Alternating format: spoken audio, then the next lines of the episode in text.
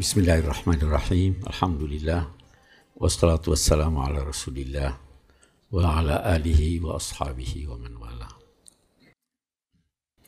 Bapak-bapak, ibu-ibu, saudara-saudara sekalian, Assalamualaikum warahmatullahi wabarakatuh. Asma'il Husna itu terdiri dari dua kata, asma dan al-husna.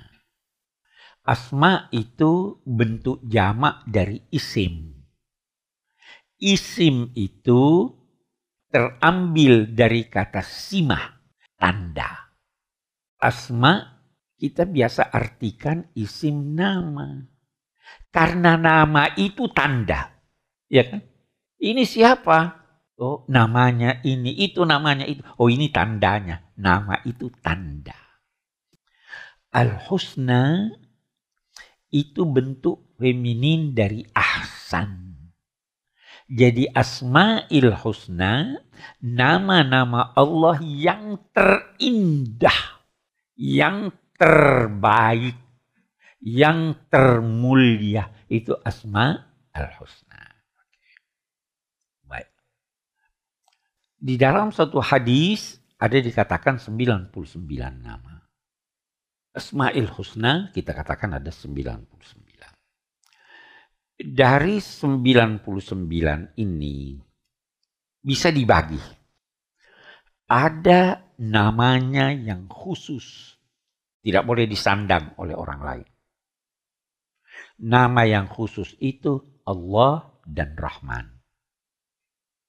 Anda tidak boleh menamai makhluk Rahman. Anda tidak boleh menamai makhluk Allah. Kalau mau namai tambah di depannya abd. Abdullah atau Abdurrahman. Ada nama-namanya atau sifat-sifatnya yang bisa disandang oleh makhluk, oleh manusia. Alim. Oleh alim.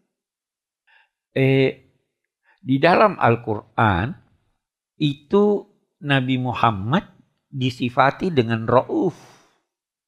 Ya kan? Laqad ja'akum rasulun min anfusikum azizun alaihi ma'anittum harisun alaikum bil mu'minina bisa disandang. Ada nama-namanya yang Anda tidak boleh sebut secara berdiri sendiri. Harus bergandengan. Allah mematikan. Boleh Anda berkata, ya muhyi. Gabung kalau Anda mau berkata mumi, gabung dengan ya muhyi. Ya muhyi, ya mumi. Kita ambil yang lebih jelas lagi. Ya bar, Allah memberi madarat atau tidak? Jangan sebut sendiri ya bar. Harus Anda sebut ya bar, ya nafi. Ya muhyi, ya mumi. Kenapa itu? Karena jangan sampai timbul kesan, walau kesan terhadap Allah sesuatu yang buruk. Kita sebagai manusia itu menganggap orang yang memberi madarat orang lain itu buruk. Tapi kenyataannya kan begitu ada. Maka kepada Allah kita katakan kalau mau sebut karena memang itu hakikatnya dia menjatuhkan madarat, kita katakan ya bar ya nafi yang muhyi, ya mumi. Oke. Kita eh, di sini habis waktu kita saya kira kalau bahas semua 99 nama itu kan, kita akan pilih-pilih nama-nama yang ini. Eh, yang pertama, ya Khalik. Karena itu yang dia perkenalkan dirinya pertama kali kan, Khalik, Khalaq. Saya ada penelitian menyangkut kata khalaqa. Di dalam Al-Quran kata khalaqa berulang-ulang. Eh, ada juga kata ja'alah menjadikan. Allah menciptakan dan Allah menjadikan. Khalaqa itu mencipta tetapi menjadikan juga begitu. Tetapi kalau Allah menggunakan kata khalaqa dan dia khalik, maka itu menunjukkan kehebatan dan keagungan ciptaan. Tapi kalau dia berkata menjadikan ja'ala, maka itu tekanannya pada manfaatnya. Ja'ala lakum min anfusikum azwaja. Siapa yang menjadikan itu? Allah. Tetapi manfaatnya. Ja'ala lawan nahara khilfatan. Ja'ala. Tapi kalau khalaqa, khalaqas samawati wal ard. Dia mencipta, semua dia ciptakan, dan semua ciptaannya itu mengagumkan. Yang sekecil-kecilnya pun mengagumkan. Nah itu Anda harus tahu. Itu di Quran kan ada ketika turun firman Allah menyangkut lalat, nyamuk dan lain-lain sebagainya, orang musyrik berkata, apa-apaan ini lalat dan sebagainya disebut. Ya kan? Turun itu ayat, Inna Allah la yastahi an yadriba masalam ma ba'udatan ma fauqaha. Anda kalau lihat lalat, hebatnya itu lalat. Hebat enggak lalat? Anda bisa lawan lalat. Siapa yang bisa lawan lalat? Al-Quran ini lalat nih yang kita remehkan nih. Dia bisa bawa penyakit membunuh Anda. Bisa enggak? Lalat, kata Al-Quran, ketika ada orang-orang yang eh, berkata itu, ini yang kita sembah, ini yang kita sembah, berhala ini, berhala itu, Allah menurunkan itu ayatnya, Duriba masalun fastami'u lahu.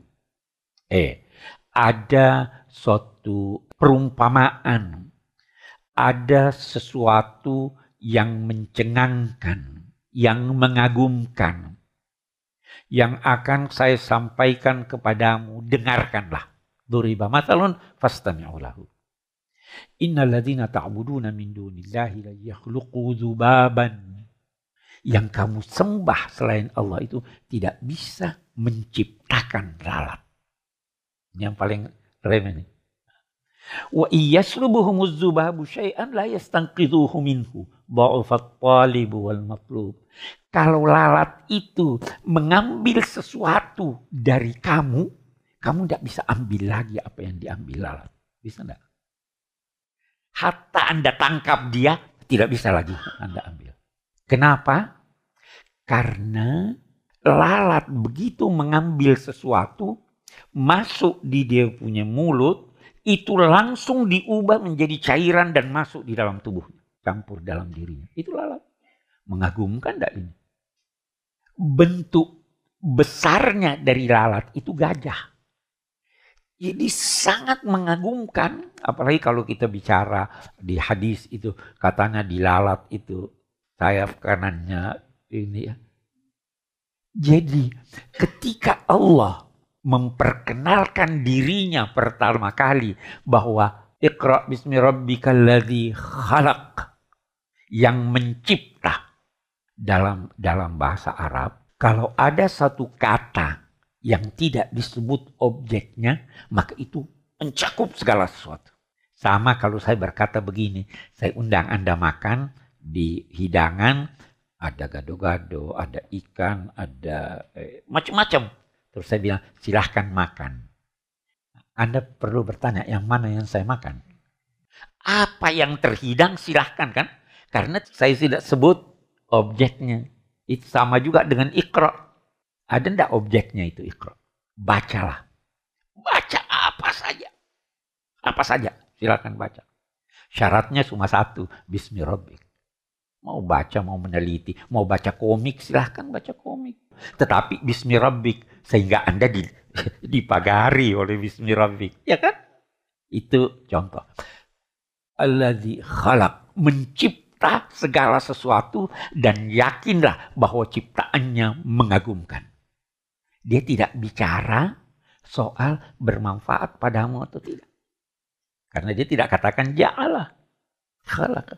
Itu pengenalan. Wal khaliq. Nanti di, di, di situ ada wal khaliqul bari'ul musawwir. Ya kan? Itu proses. Dia pencipta. Anda bisa mengetahui wujud Tuhan itu melalui ciptaannya.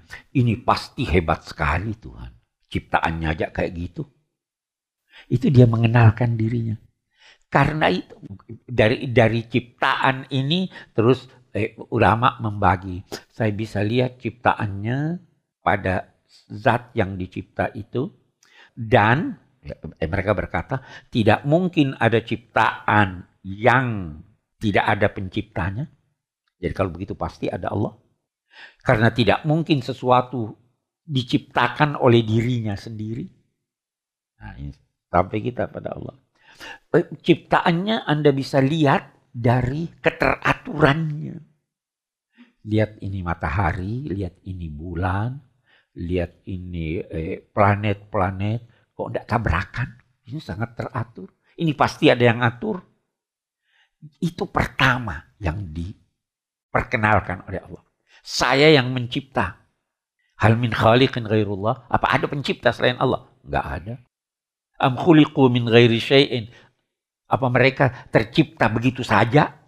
Atau pasti ada yang mencipta? Jadi dia memperkenalkan dirinya pertama kali di sini. Nanti kalau di Asma'il Husna itu urutannya kan yang pertama dia diperkenalkan oleh Rasul dari hadis itu kan. Ya Allah, Rahman kan. Ya Allah, ya Rahman, ya Rahim, ya Malik, ya Kudus, ya Salam, ya Mukmin, ya Muhaimin, ya Aziz, ya Jabbar. Oh, nanti di sana ya Khaliq, ya Bari, ya Musawwir, ya Ghaffar, ya Razak, ya Fattah, ya Alim dan seterusnya. Baru yang kedua yang dia perkenalkan Akram. Dia tidak memperkenalkan dirinya yang kedua itu dengan Karim dalam bentuk superlatif. Paling yang paling karim itu maknanya terlalu eh, banyak. Saya bacakan apa itu artinya karim. Itu karim dalam bahasa terambil dari akar kata yang terdiri dari tiga huruf. Kaf, ra, dan mim. Ini mengandung makna kemuliaan serta keistimewaan sesuai objeknya keistimewaan sesuai objeknya. Lihat. Keistimewaan sesuai apa yang disifatinya. Kalau saya berkata uh, zillun karim. Zil itu awan yang karim. Itu awan yang teduh. Pokoknya apa yang indah. Saya beri contoh yang lain. Saya berkata uh, rizkun karim Kan ada di Quran, rizkon karim. Apa artinya itu rizkon karim? Apa yang terbaik dalam bidang rezeki? Nah, coba sebut. Memuaskan. Iya. Halal. Iya. Bisa dimanfaatkan. Ya, itu artinya rizkon karim. Kalau saya berkata zaujun karim. Istri atau suami pasangan yang karim. Yang bagaimana itu? Carilah apa yang Anda sukai.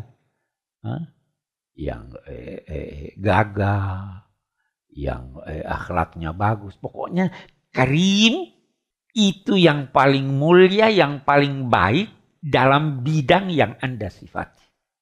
Jadi Allah karim. Apanya yang karim? Paling baik. Menyangkut apa yang Anda tanyakan? Ciptaannya karim.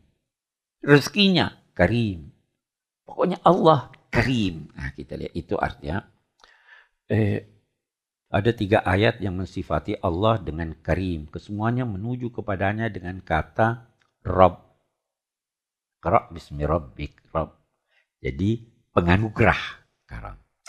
Al-Karim adalah dia yang maha pemurah dengan pemberiannya, maha luas dengan anugerahnya, tidak terlampaui oleh harapan dan cita betapapun tinggi dan besarnya harapan. Dia yang memberi tanpa perhitungan.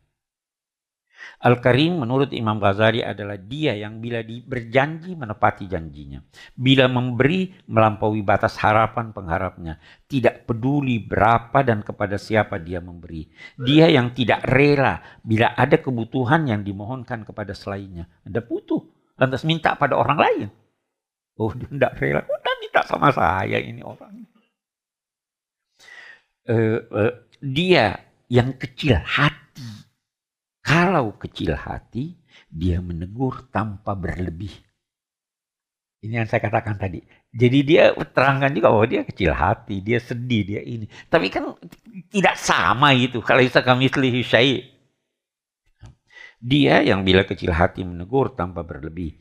Tidak mengabaikan siapa pun yang menuju dan berlindung kepadanya. Dan tidak membutuhkan sarana atau perantara. Eh, Ibnu Arabi menyebut 16 makna dari sifat Allah ini. Antara lain seperti yang disebut Al-Ghazali tadi. Dan juga dia yang bergembira dengan diterimanya anugerahnya. Ada orang dikasih anu tapi dia agak sedih sedikit. Allah itu gembira. Kalau Anda mau terima dia punya subhanallah. Ini, ini. Itu itu yang dia gambarkan. Jadi orang itu simpati. Dia yang bergembira dengan diterimanya anugerahnya. Serta memberi sambil memuji yang diberinya. Allahu Akbar. Jadi dia sudah beri, dia puji lagi. Waduh, kamu kok mau terima saya? Saya saya ada ada orang yang mencontohi ini. Saya kenal. Biasa dia mau beri sesuatu, saya nggak usah lah. Alhamdulillah saya ini. Dia bilang Pak Kures ini ndak mau memberi saya pahala. Terimalah dong ya.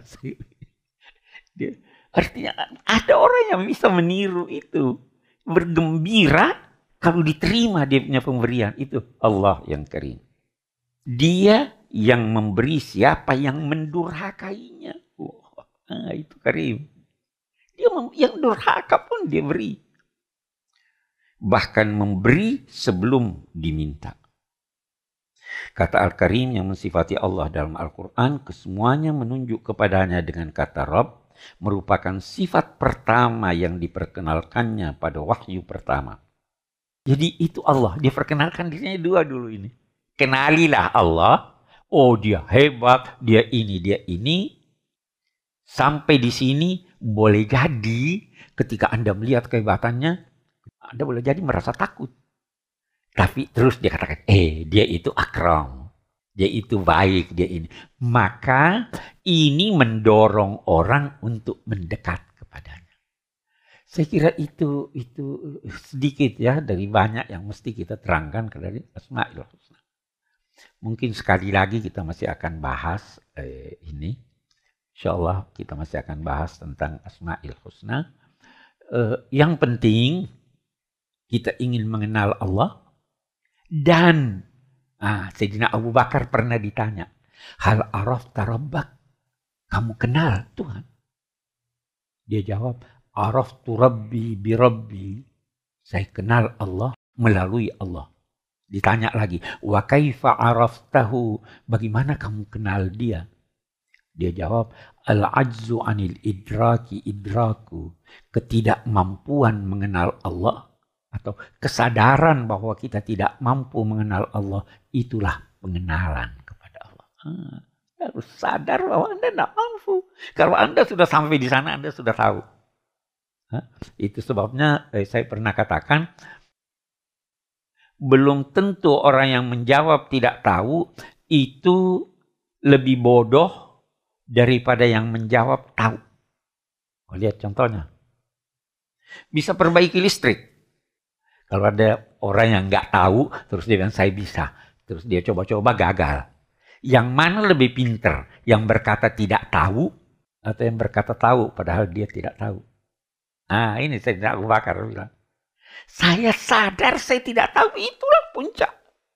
Kalau Anda mau berkata, oh saya tahu Tuhan ini, ini, ini. Ah itu tadi. Kalau Anda berkata tahu, itu pengenalan yang sangat dangkal.